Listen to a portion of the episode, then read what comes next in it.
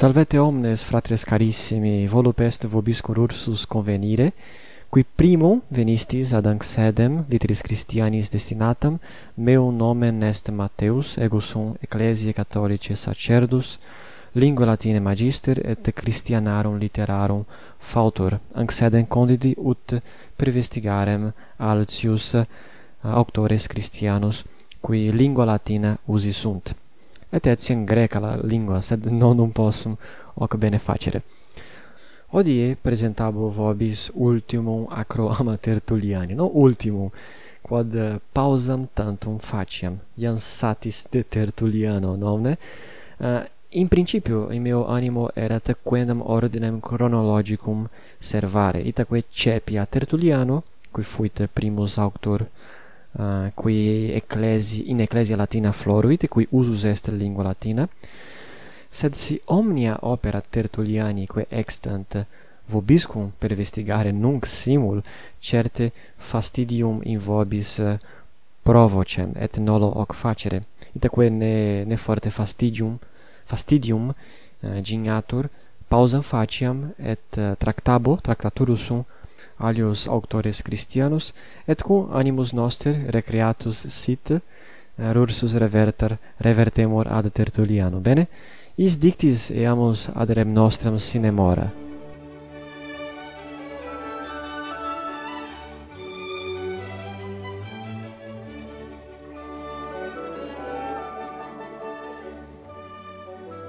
sodales odie aliquid novi audietis inoca croamate. Quod non ut soleo expositurus sum aliquam doctrinam vel quodam opus tertulliani vel cuiusdam auctoris sed ipsum tertullianum odie defendam. Et cur? Primum quia ipse non versatur apud nos nec potest sed defendere ut bene faciebat cum esset vivus.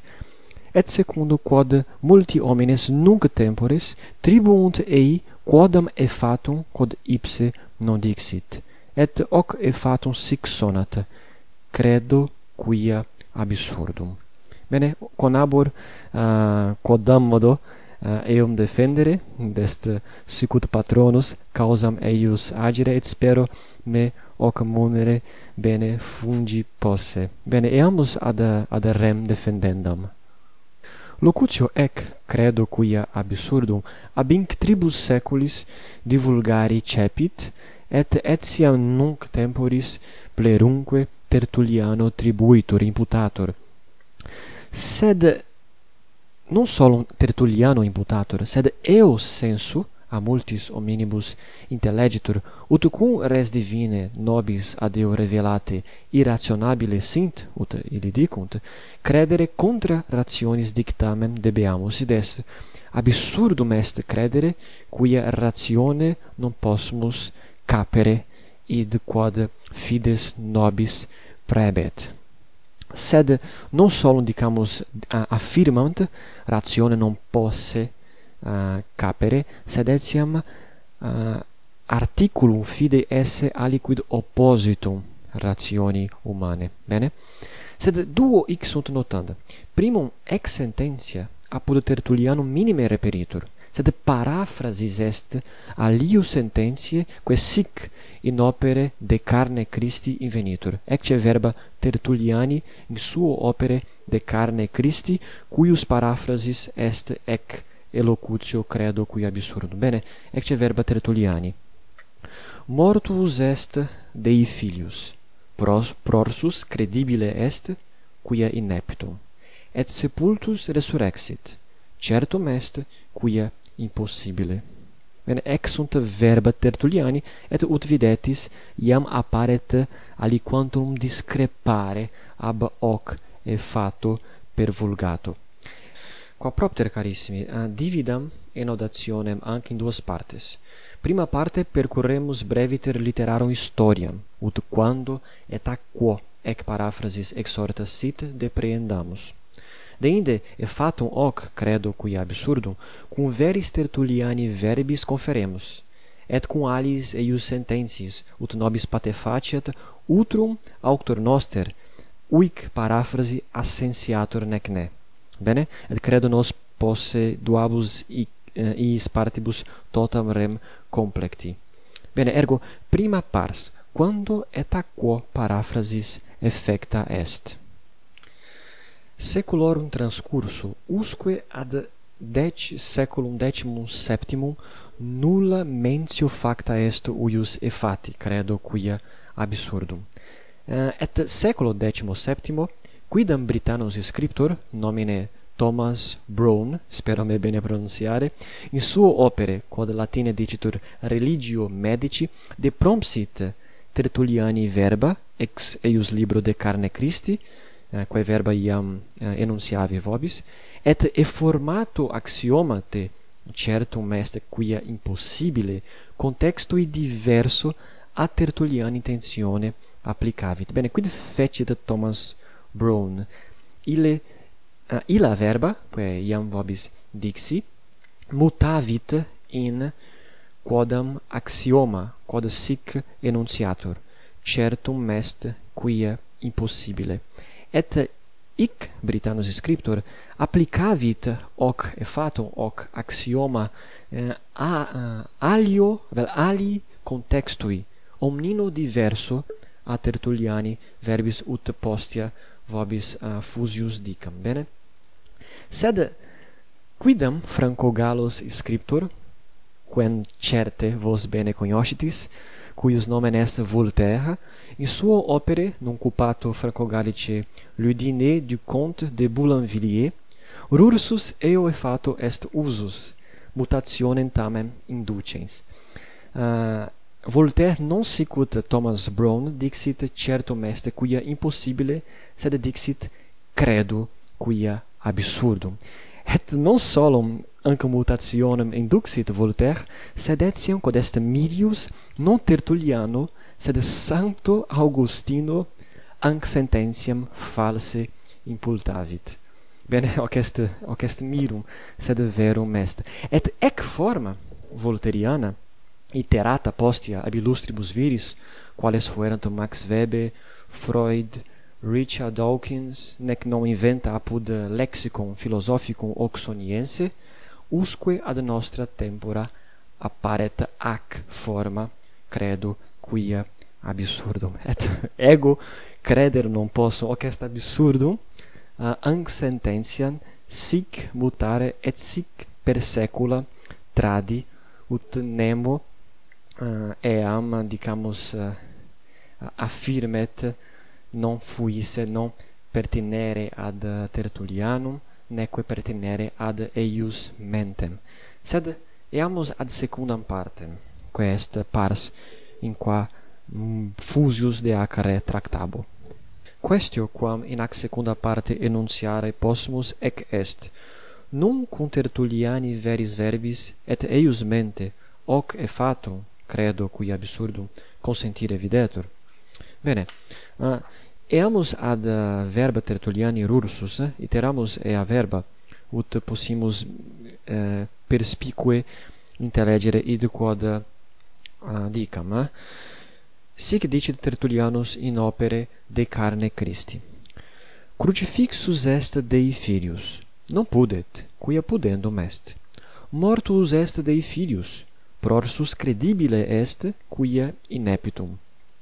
Et sepultus resurrexit, certum est quia impossibile.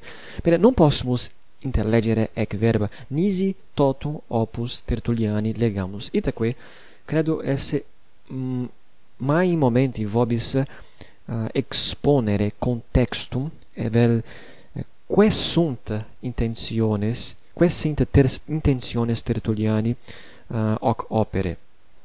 Bene, uh, de carne Christi est libellum destinatus ad quendam marcionem, qui fuit quidem Christianus, qui cepit negare Christum verum corpus abuisse, sed affirmavit tantum Christo abuisse corpus putativum, qua propter uh, Iesus neque natus est, neque adolevit, neque passus est neque mortus est.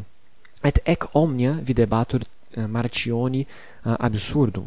Itaque uh, eh, Christo non verum corpus sed tantum corpus putativum uh, tribuit. Et Tertullianus ut defenderet uh, Christum ut defenderet doctrinam apostolorum quae tradita est et uh, qua omnes Christiani Eh, intellegebant eh, Christum verum corpus abuisse itaque vere passum esse ut ut homo. Ille ut defenderet anca doctrinam unc libellum scripsit.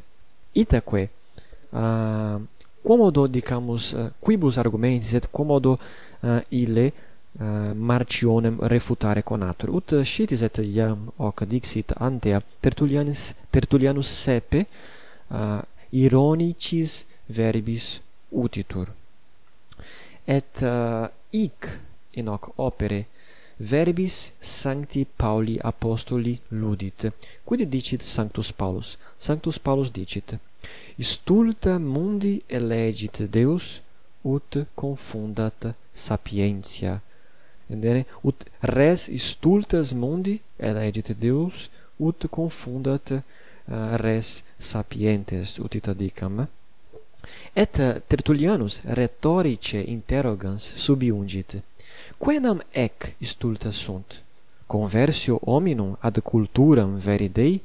Reexio erroris? Disciplina justitiae pudicitiae misericordiae patientiae innocentiae omnis? Ec quidem sunt non stulta, ec quides stulta non sunt, dicit Tertullianus, et infra, dicit Marcioni, non eris sapiens nisi stultus in seculo fueris, dei stulta credendo. Bene, quia Marcio ec omnia putabat stulta esse. Et Tertullian, terturi, Tertullianus in Oscite uh, eh, affirmat ec stulta, ec quae dicta sunt stulta, non sunt vere istulta, vel si sunt istulta, necesse est credamus iis rebus, ut salvi fiamus. Qua propter uh, Tertullianus hic ludit hoc verbo istulto, bene? Et uh, talem ludum non semel, sed frequenter facit Tertullianus, uh, alias uh, argumentis uh, adversabator Marcioni, alias deridebat eum, ironice dissimulateque appellans uh, stultas tales res quibus salvi facti sumus. Sic nunc credo nos posse eh, rursus legere et emerius intellegere uh, tales sententias. Crucifixus est dei filius non pudet quia pudendum est. Mortus est dei filius prorsus credibile est quia ineptum. Et sepultus resurrexit certum est quia impossibile ut videtis uh, eh, is sententiis is verbis terturi, tertullianus ironice et contradictoris sententiis demonstrat id quod stultu amartione existimatur sapiens revera esse. Et itaque dicit crucifixus dest dei filius bene non pudet quia pudendum est. Tu putas esse uh, pudendum. Eh, putas esse aliquid inusitatum inusitatum et pudendum. Sed non pudet quia id quod stultum tibi videtur mihi videtur sapiens. Et mortus est Dei filius prorsus credibile est quia ineptum. Et sepultus resurrexit certum est quia impossibile. Id est tu martio tu putas ineptum esse Christum mortum esse. Et tu putas impossibile Christum resurrexisse sed id quod inusitatum tibi videtur vere uh, factum est. Bene, redeamus ad e fatum illud, credo quia absurdum vel ad e fatum uh, eh, tome, tome brown, quod sic enunciatur certum est quia impossibile. Bene, is duobus e fatis, e andam rem significare voluerant i homines. Id est uh, fides, fides Christiana Eh, est aliquid rationi humane contrarium. Id est non solum est aliquod, aliquod quod est supra rationis facultatem supra rationis capacitatem sed est aliquid contrarium. Aliquid quod rationi repugnat. Bene? Um, sed si legimus id quod eh, vobis modo leg legi eh, apud Tertullianum res aliter se abent. Et cur aliter se abent? Quia Tertullianus non putat ec omnia esse vere istulta sed putat ec esse uh, existimata ut stulta sed imo istulta vere non sunt. Itaque certe abipsis Tertullianis Tertulliani verbis discrepat, penitus discrepat. Ceterum, ne forte quid dubi relicum sit, vidiamus cur, secundum Tertulliani mentem, fides non est aliquid rationi contrarium, sed aliquid consentaneum rationi, tam et si intellectus uh, humanus non valet sine speciali virtute ad eo concessa attingere res divinas quas nos Christiani vocamus res Dei revelatas, res a Deo revelatas. Bene, si uh, auscultavistis ilud secundum acroama meum, in quo de vita tertuliani multa dissero, certe recordamini eum fuisse addictum stoicorum, id est multum incubuisse doctrine uh, illorum philosophorum. Et eh, uh, ita hoc fecit, ut quodomodo philosophiam stoicam sub Christi lumine interpretaretur, vel potius stoicis ad miniculis doctrinam Christianam penetraret. ille Tertullianus in suo opere apologeticus, qui quod nunc patur apologeticus, logos stoicus, que latine, eh, possumus dicere, ratio vel verbum, Ah, uh, ile Tertullianus unc logum stoicum contulit cum secunda persone sanctissime Trinitatis id est contulit cum Iesu Christo itaque uh, ah, si ipse Tertullianus intellexit secundam personam sanctissime Trinitatis esse logum esse rationem illam stoicam. Commodo ile postea adfirmavit uh, res divinas esse aliquid rationi contrario. O che est absurdum, non? ne? Non est eh, absurdum credere, sed est absurdum dicere eum hoc sensisse, non? ne? Sed forte quis dicat a ah, in libello de testimonio anime et in ipso apologetico Tertullianus reprobata philosophos eorumque philosophiam ah, ha mate commodo potes respondere uic questioni Bene, certe non posso recensere singula Tertulliani opera ut integre uh, tot argumentos tot argumenta vobis uh, afferam. sed se legi unum locum ex suo opere quod appellatur de penitentia qui bene exprimit id quod dicere volo et id quod Tertullianus vere sensit. Uh, ecce verba eius. Eh? quipe res dei ratio. Quia deus omnium conditor nihil noratione providit disposuit ordinavit nihilque noratione tractari intellegique voluit. Itaque uh, possumus videre tertuliano uh, rationem esse rem Dei esse proprietatem Dei. Et Deus ratione sua omnia condidit omnia providit disposuit et ordinavit et homines qui volunt dicamus perscrutare tales res debent ratione uh, e tractare et intellegere qui esse Deus ratione creavit condidit et siam homines debent ut eas intelligent ratione sua uti. Ergo dubio non est quintertullianus ratione umanam defendat nomne quamque res divine certe sunt supra rationem humanam non potest homo tantum ope sue rationis res divinas comprendere hoc est verum et certum est quia uh, alioqui non esset necesse Deus revelare tales res. Sed id quod Deus revelavit non est contrarium rationi. Bene? Aliud est uh, contrarium esse aliud est supra rationem esse, bene? De homo caret lumine divina, quae illuminat suum intellectum, ut ipso suo intellecto comprehendat, bene? Eh, ergo Deus lumen suo infundit uh, in intellectum humano ut ipse intellectus uh, uh, illuminatus uh, divino auxilio vidiat res Dei Eh, ab, ab ipso Deo revelatas. Eh, et eh, aliud alium locum velim legere ut est infra anc sententiam quam modo legi et bene illustrat commodo Tertullianus videat philosophos et eorum conatus philosophicos. Hoc decid Tertullianus. Igitur ignorantes quique deum rem des rationem quoque eius ignorant necesse est quia nullius omnino thesaurus extraneis patet. Ergo uh, bene debemus debemus hic intellegere id quod tertullianus videt. Ille satis bene intellexit philosophos multum laborasse ad res divinas comprehendendas. Sed hoc difficulter facere potuerunt et multis erroribus et in multos errores inciderunt.